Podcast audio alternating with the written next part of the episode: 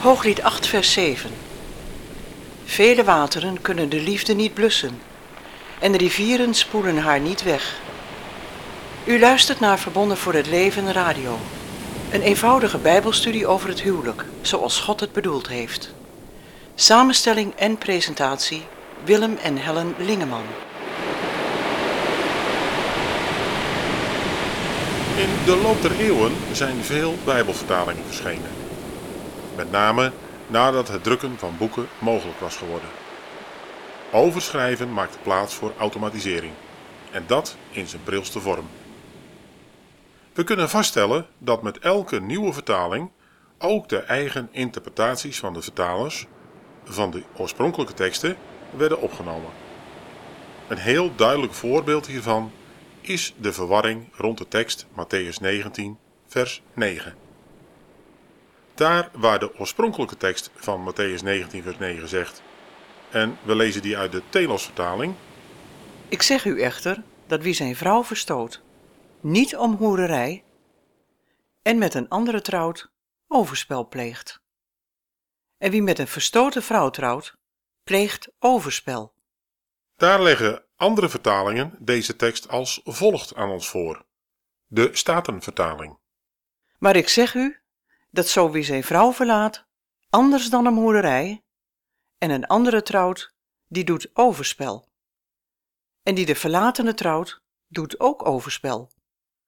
Het Nederlands Bijbelgenootschap vertaalt deze tekst in 1951 als volgt. Doch ik zeg u, wie zijn vrouw wegzendt om een andere reden dan hoererij, en een andere trouwt, pleegt echtbreuk. De nieuwe Bijbelvertaling, de NBV.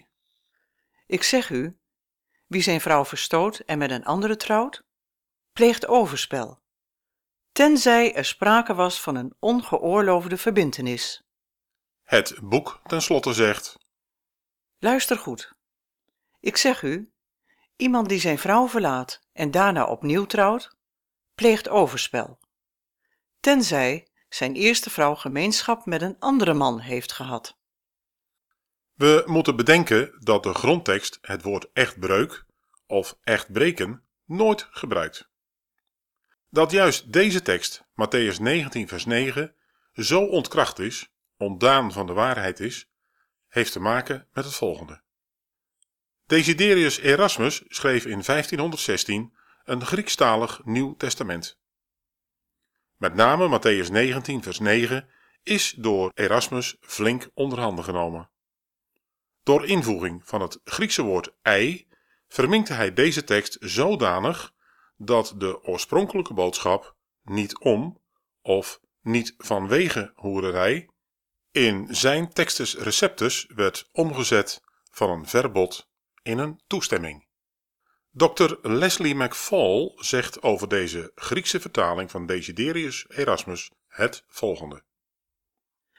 Erasmus had voor zijn vertaalwerk de beschikking over slechts zeven manuscripten. En niet één daarvan bevatte het gehele Nieuwe Testament.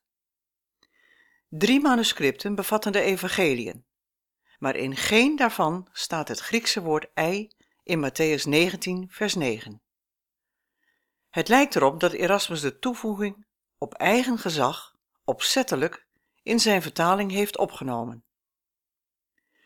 In totaal verschenen onder verantwoordelijkheid van Erasmus vijf edities van zijn Textus Receptus. In de tweede, derde, vierde en vijfde editie corrigeerde hij in totaal 622 fouten. Echter niet zijn toevoeging in Matthäus 19, vers 9. Tot zover Dr. Leslie McFall. Het merendeel van de hedendaagse Bijbelvertalingen heeft Erasmus' toevoeging van Matthäus 19, vers 9 gewoon overgenomen. Met alle dramatische gevolgen van dien. Nogmaals het voorbeeld van Matthäus 19, vers 9. We lezen de tekst uit de NBG-vertaling van 1951. Doch ik zeg u, wie zijn vrouw wegzendt om een andere reden dan hoererij en een andere trouwt, pleegt echtbreuk. Niet vanwege hoererij werd vervangen door om een andere reden dan hoererij. We zien hier de invoeging van het woordje ei door Erasmus. Overspel werd vervangen door echtbreuk en dat zijn twee heel verschillende zaken. En dan is er een heel essentieel stuk uit de grondtekst weggelaten. En wie met een verstoten vrouw trouwt, pleegt overspel. Nog een voorbeeld. Exodus 20 vers 14 zegt in de grondtekst Gij zult geen overspel plegen. Of, gij zult niet overspelig zijn. Wat echter meerdere Bijbelvertalingen hebben gedaan, is deze tekst vervangen door, zoals de Statenvertaling heeft gedaan, Gij zult niet echtbreken. of de Willybrood-vertaling. Gij zult geen echtbreuk plegen.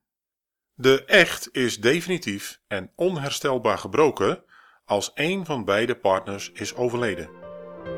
Letterlijk gezien is dat echtbreuk. En zo worden gelovigen letterlijk op het verkeerde been gezet.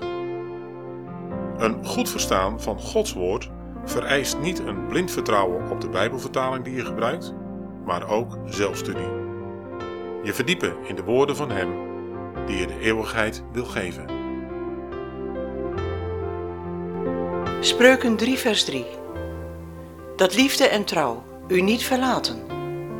Bind ze om uw hals, schrijf ze op de tafel van uw hart. U heeft geluisterd naar Verbonden voor het Leven Radio. Samenstelling en presentatie Willem en Helen Lingeman. Heeft u vragen naar aanleiding van deze uitzending? Dan kunt u contact opnemen via het reactieformulier op onze website www.verbondenvoorhetleven.nl of www.unitedforlife.eu. Zo de Heere wil graag tot de volgende keer.